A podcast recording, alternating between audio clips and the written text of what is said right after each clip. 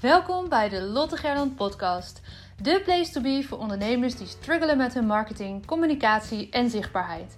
Het probleem dat ik vaak hoor van ondernemers is dat ze marketing lastig en opdringerig vinden of dat ze het spannend vinden om zichtbaar te worden.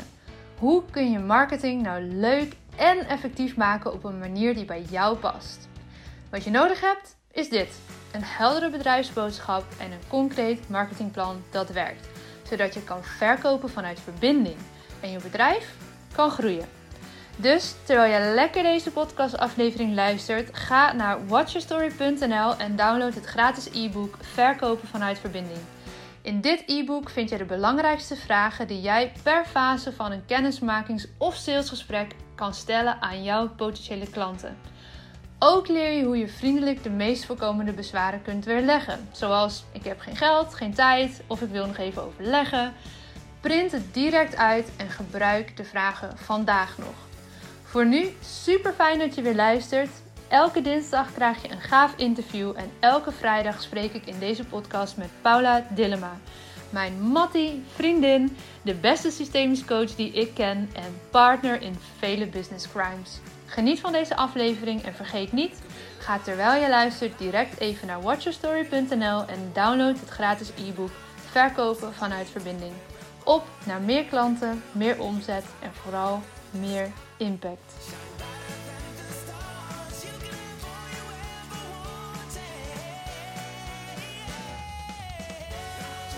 Emmy, welkom in de podcast. Zo leuk. Dankjewel eindelijk hier spreken. Ja, leuk. Dankjewel dat ik er mag zijn. Ik vind het heel leuk. Ja, en ik zeg eindelijk, omdat wij kennen elkaar best wel een tijdje en we hebben het al vaker over gehad van nou laten we een aflevering doen samen en nooit is het er nog van gekomen tot nu. Yes. Ehm, en ik ben ontzettend benieuwd naar wat er bij jou de afgelopen jaren allemaal is gebeurd. Gaan we het over hebben? Maar allereerst, voor we losbranden, wie is jouw grootste inspiratiebron? Ja, dat is een goeie. Uh, ik denk niet één specifiek persoon. Ehm, ja, in de uh, afgelopen jaren zijn er meerdere mensen geweest uh, die me heel erg geïnspireerd hebben. Um, maar um, ja, eigenlijk laat ik me door alles en iedereen inspireren. Ik, ik zie in iedereen altijd wel iets waarvan ik denk, oh wacht, dat is uh, interessant of leuk. Of daar wil ik eens over nadenken of daar ga ik eens iets mee doen. Ja. Ik heb nooit één, specifiek, een specifieke inspiratiebron gehad. Ik vind alles inspiratie. En kan je dan misschien ons eens meenemen in, in iemand van de afgelopen tijd die jou heel erg heeft geïnspireerd? Nou, dat is iemand die we allebei kennen en die jij hier ook al wel gesproken hebt, uh, Kim Munnekom. Mhm. Die uh, is wel heel belangrijk geweest ook in, het, in mijn proces van de afgelopen jaren. Ja. Um, nou ja, daar komen we straks nog wel op, denk ja, ik. Verder. gaan we het zeker over hebben. Ja. Uh, voor we daarin duiken, misschien even fijn dat de luisteraar weet met wie ik eigenlijk aan het bellen ben. Kan je je kort voorstellen? Yes, ik ben Emmy de Vries. Ik ben uh, bijna 42 en uh, ik heb drie kinderen, drie jongens. Um, en ik ben inmiddels schrijfster. Ja, want ja. dat is gelijk, de, ik wil niet zeggen een haakje, maar de grote haak waar we het ja. over gaan hebben. Want toen we ja. leerden kennen, was je fotograaf. Klopt. En ik ben eigenlijk opgeleid als maatschappelijk werkster, dus dat heb ik eerst uh, een hele tijd gedaan. Heel lang in de verslavingszorg uh, gewerkt. Mm -hmm. um, en daarnaast had ik dan inderdaad uh, mijn eigen bedrijf als fotograaf. Um, toen wij elkaar voor de laatste spraken, had ik daar volgens mij nog net een switch in gemaakt van um, families en gezinnen. En bruiloften, dat deed ik ook nog wel, maar ik had uh, daarnaast nog kwetsbare momenten toen gestart. Ja. En dan fotografeerde ik uh, families en gezinnen die te maken kregen met een ernstige of langdurige ziekte. En dat de, deed ik uh, toen ik in 2018 ziek thuis kwam te zitten met burn-out klachten. Uh, en na een jaar ziek uh, heb ik eind 2019 besloten te stoppen met mijn baan in loondienst. Dat was toen overigens al niet meer bij de verslavingszorg. Mm -hmm. um, en om helemaal voor mijn fotografie te gaan. Ja. Dus dat ging ik doen vanaf 1 januari 2020. Oké, okay, dus dat is eigenlijk, nou ja, dat is ruim twee jaar geleden ongeveer. Ja, Niet en dat is geleden. precies drie maanden voordat corona kwam. Ja. en uh, toen lag alles op zijn gat. Oh, ja, ja, jammer. Ja, ja, Ja. dat is echt, dat heb ik meer gehoord. Dat je dan net die sprong waagt en dan Ja. één keer, nou ja, echt alles lag op zijn gat natuurlijk. Je, Ja, zeggen, ja, natuurlijk kan je foto's maken, maar niet de foto's die jij maakt. Nee, en wat ik zelf ook soms wel weer eens vergeet, is dat er op een bepaald moment ook, dat je gewoon niet met meer dan twee mensen bij elkaar mocht zijn, buiten ook. Hè? Dus ja, dan, dan kon ik geen families en gezinnen fotograferen. Wat heb je toen gedaan? Hoe ben je daarmee omgegaan? Ja, eerst even helemaal niks. Eh, ik had natuurlijk ook ineens drie kinderen thuis, dus het was ook wel lekker dat ik dat, dat ik dat gewoon kon regelen en dat we daar niet meteen enorm mee in de knoei kwamen. Ja, Ehm, nou, ik zag heel veel fotografen van die shoots doen eh, met mensen in de voordeur en achter de, ja, en vanuit hè, via het raam. Ehm, vond ik superleuk, maar ik dacht, ja, nee, dat is toch niet wat voor mij nu goed voelt. Ehm, nou ja, en ik was al heel lang bezig met persoonlijke ontwikkeling en met mediteren en met, nou, vooral bedenken van wat vind ik leuk om te doen. ja. En daar ben ik toen echt even voor gaan zitten en toen, toen kwam ik op verhalen. Eh, ik hou ontzettend van verhalen. Ik heb vanaf dat ik leerde lezen in groep drie eh, alles gelezen wat ik eh, te pakken kon krijgen, denk ik. Mhm. Ehm, en ik heb ook altijd in, dat in de hulpverlening heel mooi gevonden, al die verhalen die mensen te vertellen hadden. Dus toen ben ik eigenlijk, eh, heb ik een oproepje gedaan eh, of, of ik mensen mocht interviewen die door corona in een bijzondere situatie terecht waren gekomen.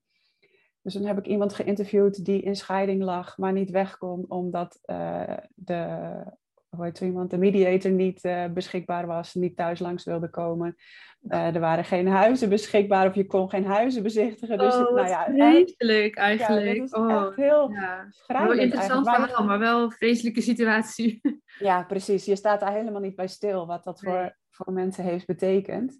Ook iemand met een, met een kind die in de gehandicaptenzorg eh woonde. En nou, dat was ook heel ingewikkeld allemaal. Iemand die bevallen was eh, tijdens die periode. Nou, zo heb ik eigenlijk in het hele land, eh, even denken, tien mensen of zo eh, geïnterviewd. Mhm. Eh, toen ben ik uiteindelijk, toen het weer mocht, ook nog langs al die mensen gegaan om foto's van ze te maken.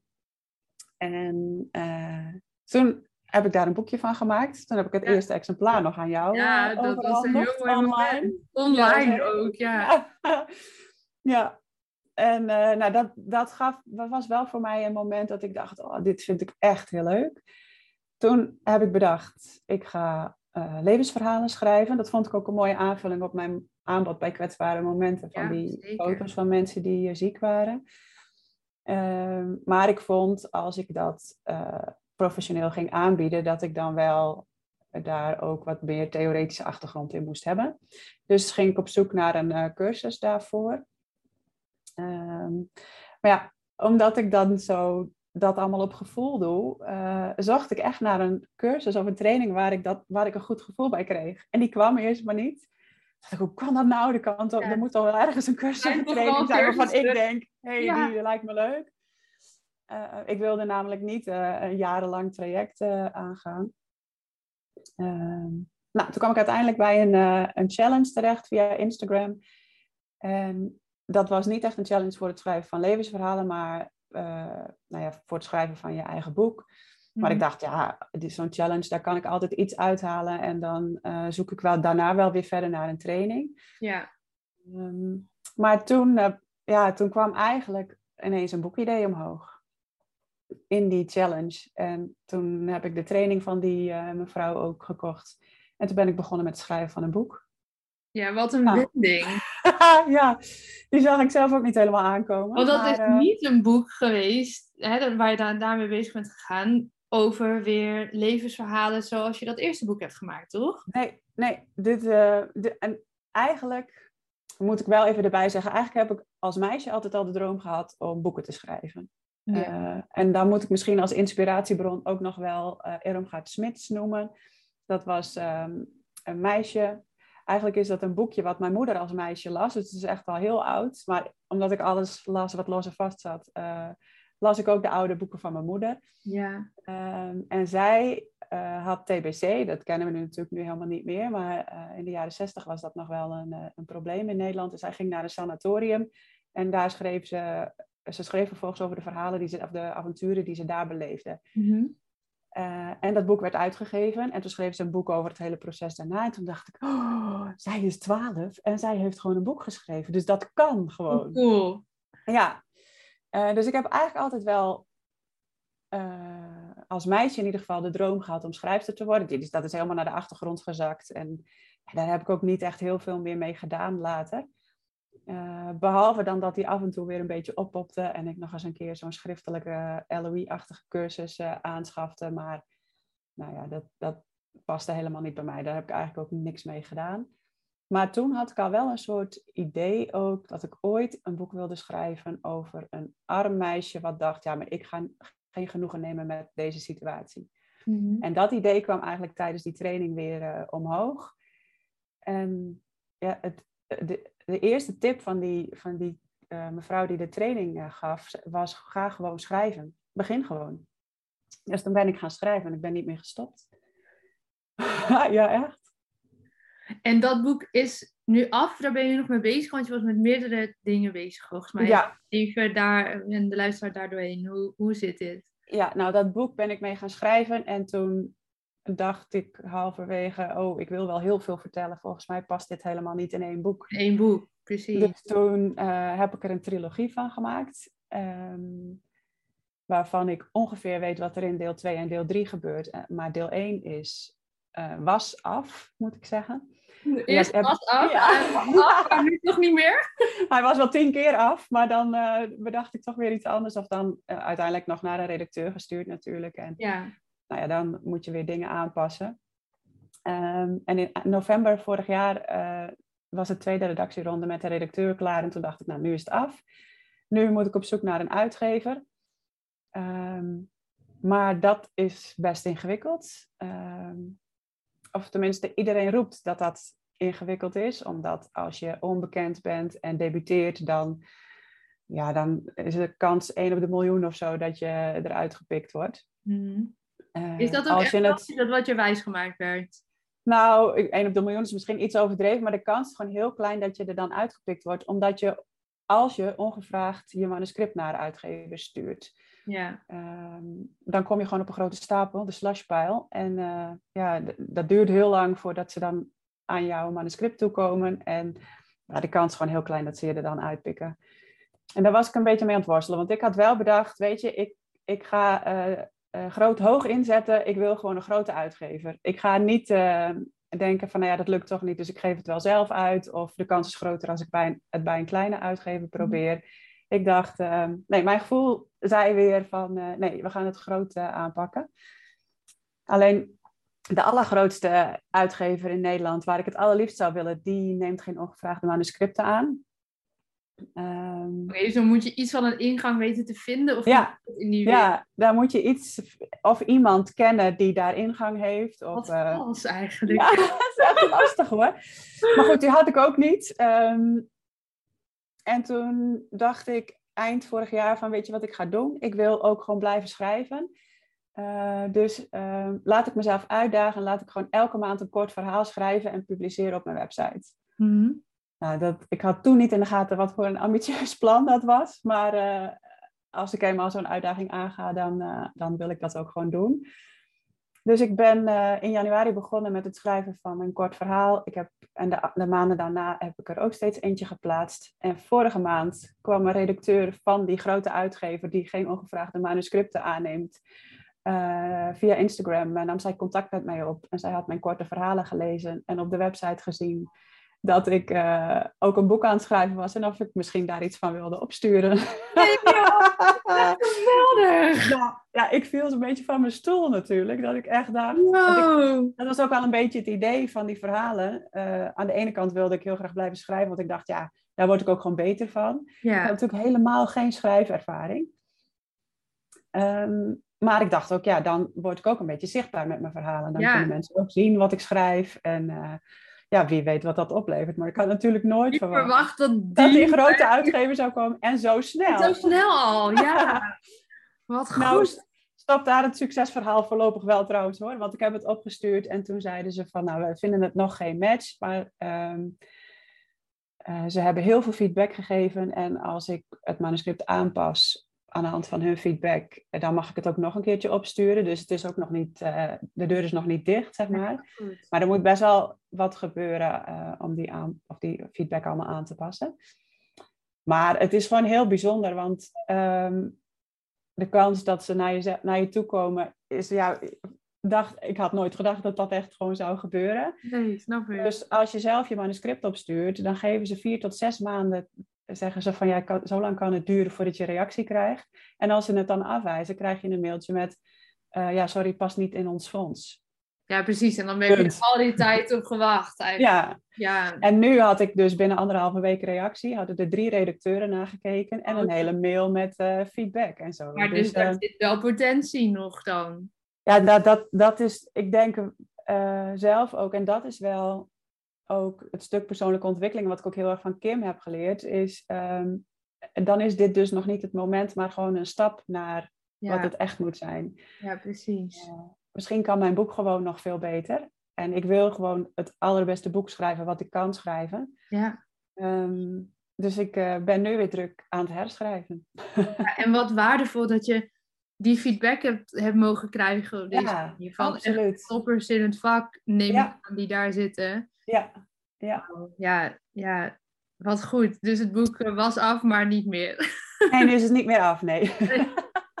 Maar je hebt wel echt weer duidelijke uh, richting en houvast van hoe je het dan weer dus gaat herschrijven. Ja, klopt. Ik weet precies wat ik moet doen eigenlijk. Ja. Ehm, alleen het is gewoon, ja, als je... Het is een beetje lastig uit te leggen, maar ehm, als je in het begin van het boek iets verandert, dan heeft dat gevolgen voor de rest. Dus het is niet zo dat je dan een paar dingetjes even kan aanpassen. En niet even punten en komma's en go. Nee, nee, nee. Die hele verhaallijn. echt een hele klus om, uh, ja.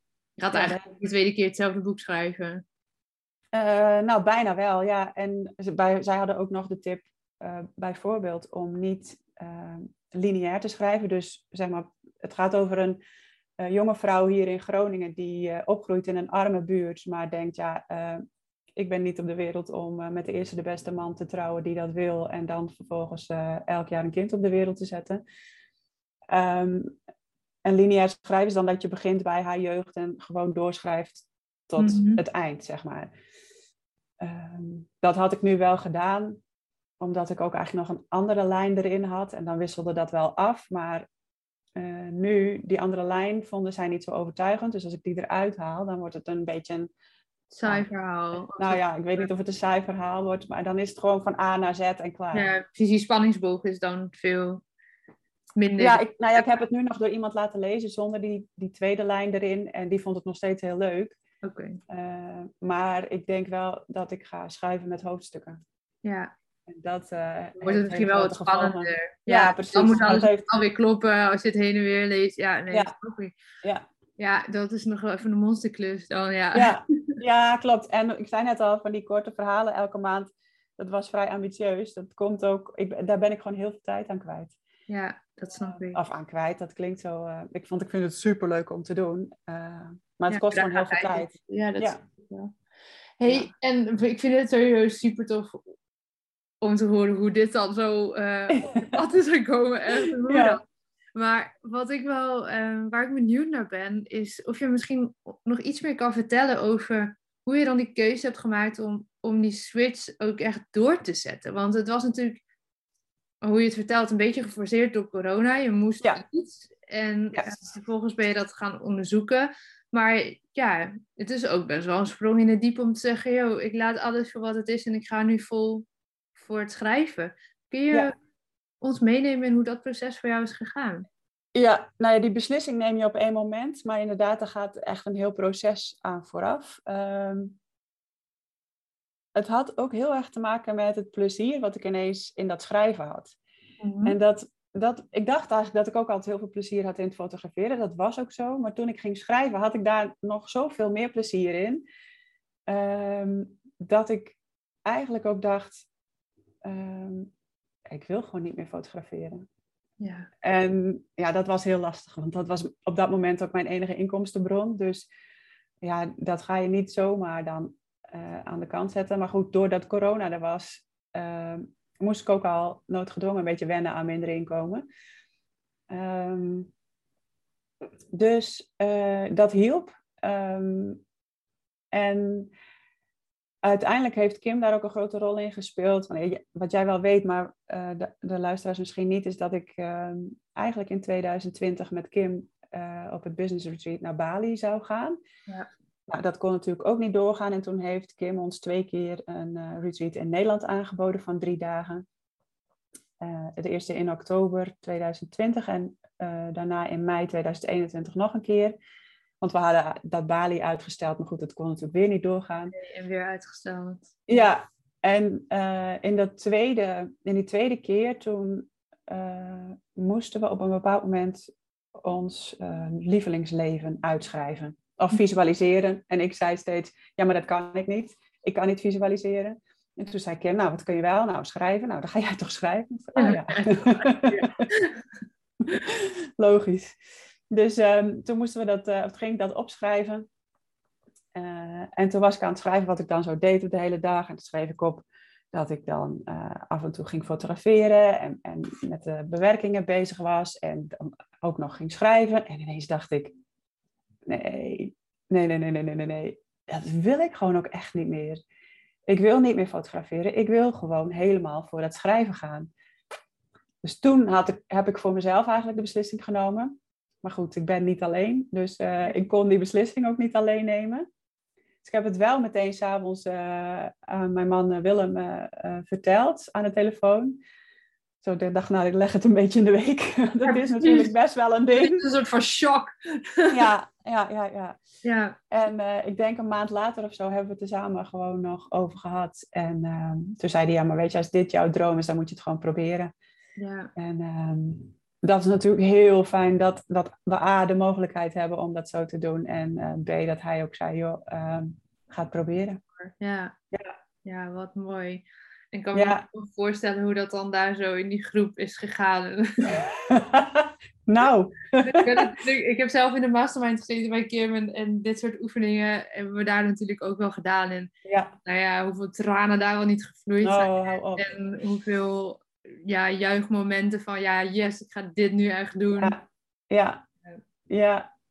ja klopt. En ik had natuurlijk zo'n soort oefening ook al wel heel vaak gedaan. Uh, dat was niet nieuw voor mij. En het, het rare is dat er dan toch op, op zo'n moment ineens iets uitkomt wat je zelf ook niet verwacht of niet ziet aankomen. Of, uh, en dat komt inderdaad door de mensen die er zijn, door de sfeer, door de, de, de voorbereiding van Kim. Die, aandacht die je even ja. aan zo'n oefening. Want dat is het is een hele mooie oefening ook wel voor degenen die nu luisteren. Om, om gewoon in, in een bepaalde regelmaat eens te doen voor jezelf. Schrijven Hoe ziet jouw lievelingsleven, jouw droomleven dan, er dan uit? En wat doe je dan inderdaad op zo'n dag? Ja. En dan weet je ook van, oké, is dat al heel erg wat ik nu doe? Of zit daar nog een gat tussen? En zo ja, welke stappen moet je dan gaan zetten om daar naartoe te werken? Precies, en dat hoeven geen hele grote dingen te zijn. Hè? Want voor mij was het ook ehm, bijvoorbeeld wat wij op een bepaald moment deden. Onze kinderen worden niet s ochtends allemaal tegelijk wakker. Er is er eentje die heel vroeg wakker wordt en de andere moeten we wakker maken als ze naar school moeten. Dus wat er dan gebeurde is dat uh, ik vaak al vroeg opstond samen met de middelste. En dan gingen wij alvast ontbijten en dan daarna, wie er daarna beneden kwam, die ging dan ontbijten. En ik dacht, eigenlijk vind ik dat helemaal niet leuk. Ik wil gewoon s ochtends met z'n allen ontbijten. Ja dat kwam in dat schrijven ook naar boven. En dat zijn we gewoon ook gaan doen. Weet je, dus dat is, dat hoeven geen hele grote, moeilijke beslissingen te zijn. Het kunnen ook gewoon hele kleine dingetjes zijn. Ja, ik zag mijn dag zo. We beginnen s ochtends gezellig met elkaar aan het ontbijt.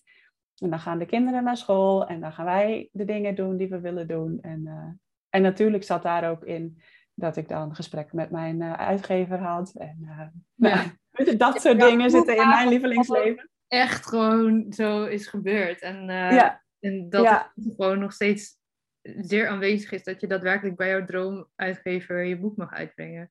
Dat zou nog steeds kunnen, ja. Ja. Nou ja het is en het grappige is... Die mensen daar hebben laten kijken. Ja, ja, nou ja, precies. Ze hebben er echt wel moeite voor gedaan. En dat is natuurlijk wel heel fijn.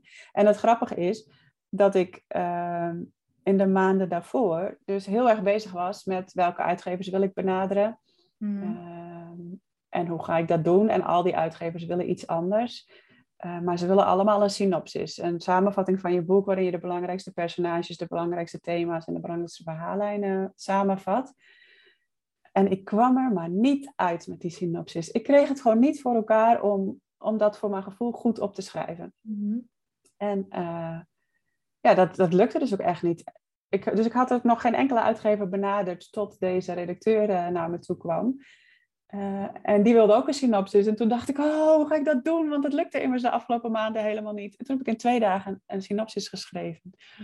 En opgestuurd. En uh, ja. ja. En als ik terugkijk, dan is het allemaal heel logisch. En dan is het allemaal precies zoals het had moeten gaan. Hè? Zoals Steve Jobs, geloof ik, zei van... Uh, you can only connect the dots looking backward. Ja. Nou, dat is ook zo. Van tevoren weet je dat niet. Maar ja, dan, dan had het echt niet anders gekund. Nee. Nou, ik ben heel benieuwd naar het vervolg hiervan. En naar Ja. naar je boek sowieso, als die straks uitkomt. Want links of rechtsom, dat gaat wel gebeuren volgens mij. Dat gaat sowieso gebeuren, ja. Ja, ja. ja echt, echt heel gaaf. En ik denk ook eh, om mee te nemen uit, uit dit gesprek voor iedereen die luistert. Nou ja, sowieso die oefening om die regelmatig te doen. En Ja. ook het vertrouwen en het geloof dat als je dus echt hè, dat droomleven of, of die lievelingsdag gaat najagen. Niet vanuit gejaagdheid, maar hè, mensen Nee. wat ik bedoel, denk ik. Dat het dus ook vooral ge- geloven dat het echt kan gebeuren. Ja. Precies. En als je het kan, dat is vaak natuurlijk zo. Je bedenkt het één keer en vervolgens eh, creëer je het pas in, in Ja. real life. En Ja. ja, daar is jouw verhaal volgens mij zo'n mooi voorbeeld van. ja, en ik denk dat ook heel belangrijk is dat je dan, als je dat hebt, als je dat hebt opgeschreven en weet wat je graag wil, dat je ook eh, alert blijft op wat er gebeurt, zeg maar. Want soms gaat in de haast van het leven alles wat er dan gebeurt ook zo snel aan je voorbij dat je niet eens doorhebt dat dat iets is wat je eigenlijk had opgeschreven. Ja. Ik weet nog dat ik eh, bij jou een spoken word avond heb gefotografeerd en dat ik toen ook Ja. kort even iets over mezelf mocht eh, vertellen. En dat ik toen dacht, oh, dat is eigenlijk ook wel tof. Hè? Wat meer, maar ik dacht ook steeds, ja, hoe dan? En over die fotografie, ja, wat ga ik daar nou over zeggen? En nu heb ik al twee radio-interviews gehad. Ja. Eh, eh, ja, echt heel cool. Ik heb op de school van mijn kinderen eh, voor groep 6, 7 en 8 van alles mogen vertellen over het verhaal van april wat ik geschreven had. Nou ja, weet je, ik, er zijn zoveel mooie dingen op me afgekomen ook. Ik mag nu weer hier met jou erover praten. ja. En ik, en ik ben nooit bang dat ik niet weet wat ik moet zeggen. Nee, dat is toch ook zo Nee. lekker. Ja, Je weet dat als je het gesprek aangaat, dan komt daar iets zinnigs uit. ja. ik dacht nu net ook, voordat wij begonnen... Oh, ik heb eigenlijk helemaal niks voorbereid. of Zo had ik nog even ergens over na moeten denken. Ja, nee, dat Nee. hoeft ook gewoon niet. Maar dat is het, hè. Het is je eigen verhaal. Je was erbij. En Ja. je kan dat... dat is denk ik sowieso de gasten die ik in deze podcast spreek. Ehm, er zitten genoeg tussen die het ook voor het eerst hun verhaal gaan vertellen. Eh, die dat ook heel spannend vinden, wat ik snap. Ehm, maar ja, je, je was er zelf bij. Dus je, iedereen kan daarover vertellen. Ja, Iedereen, daar geloof ik echt heilig in, heeft een inspirerend verhaal te vertellen. Het komt er misschien nog niet bij iedereen gelijk vloeiend uit, omdat je er nog niet in getraind bent of je verhaal nog niet zo goed woorden hebt gegeven. Maar dat Nee. is wat je kan leren als je dat wil. Eh, maar dat iedereen een verhaal heeft, ja, nee, dat, dat hoef ik jou niet uit te leggen. Dat, eh, nee. nou ja, het is volgens mij ook, je moet het zelf ook zien. Ja, Hè? Dat is wat ik net misschien ook wel bedoelde met die uitspraak van eh you can only connect the dots looking backwards. Je moet wel zelf zien van, hé, hey, wat is er nou eigenlijk allemaal gebeurd? En dat vraagt ook dat je af en toe even stilstaat. Ja. Hè? Bij, bij hoe het nu is. En ik ben niet zo heel erg van terugkijken, maar soms is het wel heel goed om even terug te kijken van waar was ik en waar ben ik nu? En wat is er eigenlijk allemaal veranderd? ja, Hè, ook toen jij vorige week zei van, goh, zullen we die eh, podcast nu eh, eindelijk eens gaan doen? En dan wil ik het graag met je hebben over wat er in de afgelopen jaren is gebeurd sinds wij elkaar voor het laatst spraken. Toen dacht ik, ah ja, er was echt gewoon nog een ander leven of zo. Ja. eh. ja, wel. ja, Ja, en dat is mooi. Dat zijn mooie momenten om daar dan af en toe even bij stil te staan. En ook echt te zien van wat er veranderd is. En ja, je eigen groei daarin, de keuzes die je hebt durven maken, wat er Ja. gebeurt als je ergens vol voor gaat. ja, Wat precies. voor mooie dingen er dan eh, op je pad komen. Ja, En, en vol voor gaan. Ik weet nog dat ik tijdens de eh, twee, eerste of de tweede eh, retreat met Kim vertelde over nou, dat met kwetsbare momenten dat het maar niet lukte en dat corona en blablabla. En toen zei Kim, nou ja, dat heb je ook gewoon niet echt geprobeerd. En toen dacht ik echt, wat? Ja. dat slaat helemaal nergens op. Wat zeg je nou? En nu denk ik, ja, ze had gewoon gelijk. Want nu weet ik wat echt ergens vol voor gaan inhoudt. Ja, precies. Ja, Ja, ja. dat, is, dat is- Ik hoor het haar gewoon zeggen. Ja. Ik ken haar allebei goed. Dus ik- ja, ik hoor het haar gewoon zeggen. Ja, maar jij hebt het helemaal Ja. niet geprobeerd. En nou ja, weet je, laat dat dan misschien ook ter afsluiting van deze aflevering een wake-up call zijn voor iedereen die luistert en het idee heeft van ja, maar het komt niet van de grond. Heb je het wel echt geprobeerd? Ben je wel Ja. al ingegaan? Heb je alles gegeven wat je in je had binnen de mogelijkheden eh, die je natuurlijk, er zijn dingen waar je mee te maken hebt. Net, je hebt kinderen, eh, nou, dat Ja. ervaar ik nu zelf ook. Tuurlijk kan je misschien niet alleen maar eh, doen wat, wat je zelf wil en heb je daarmee rekening te houden. Maar alsnog ben je er wel echt vol voor gegaan. Heb je het wel echt geprobeerd? ja. Want in de tijd die ik heb, Ja, heb ik alles gedaan. En doe ik nog steeds alles wat ik kan om, eh, om mijn doel te bereiken. precies. En dan Ja. bereik je dat doel dus ook. Ja. En ik denk dat dat, ehm, ja, iedereen die luistert en die het gevoel heeft van, hmm, het komt nog niet helemaal van de grond. Check eens even bij jezelf. Ben je er wel echt vol voor gegaan? Of Ja, hou je nog, hou je nog wat terug? Hou je nog wat voor jezelf? En kan je misschien nog meer geven? Zonder dat je jezelf helemaal in een burn-out werkt natuurlijk. Ja, ik bedoel, nee, dat zeker niet. maar vanuit die nou ja, volledige overgave om te gaan voor datgene wat je echt wil, eh, zit daar nog ruimte? Hou je daar jezelf nog in? Ja, en ik denk vooral ook ehm, de dingen die je nu niet doet, is dat echt omdat je denkt dat dat niet jouw pad is, of omdat eh, je denkt dat dat eh, niet past bij wat je doet, of durf je iets niet? Ja, Want dat is ook wel wat ik heel erg heb gemerkt, dat ik dan steeds wel weer een reden had waarom iets niet eh, handig was of niet paste, of Ja. omdat ik eigenlijk het gewoon niet durfde. nee, dan zet je het ertussen hè? als, Ja. als een excuus. Ja. Ja, ja. Nou, genoeg stof tot nadenken volgens mij. Lekker de knallen van wel afsluiten weer. die laatste tien minuten. Werkt allemaal. ja. Hey, Emmy, dankjewel voor dit super mooie en fijne gesprek. En ik denk dat we allemaal uitkijken naar je boek. Heb je al een titel die we in de gaten kunnen houden of is het zover nog niet? Nou ja, mijn werktitel was Vergeten Vrouwen. Mhm. Ehm, maar goed, ik denk dat de uitgever daar ook nog wel iets van gaat vinden. Eh, Nou. Dat zien we wel. Maar ja, op Instagram ben ik heel actief eh, in, eh, in het delen van informatiestories en posts. Dus Ja. ja, Waar kunnen mensen je volgen? At Emmy de Vries. Dat is lekker duidelijk. Yes, en op mijn website elke maand met de verhalen emmydevries.nl. Ook niet Nou, heel ingewikkeld. Dat lukt volgens mij. ja, toch?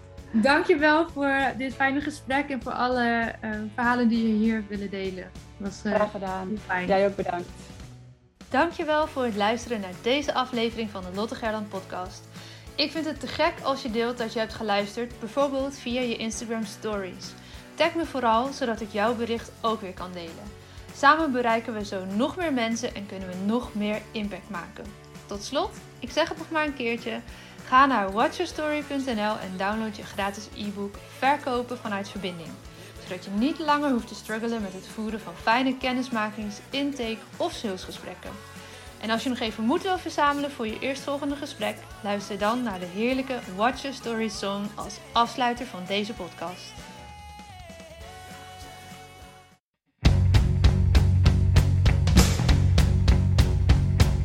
Here's your story,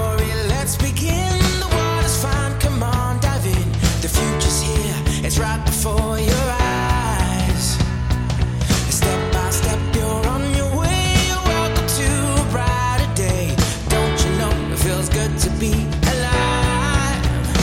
You could be larger than life, bigger than the world, living out the hopes and dreams of every boy and every girl. You could fly higher than the sky, shine brighter than the stars. You could have all you ever wanted, shoot the moon and reach for Mars. You know you could. Yeah, times are changing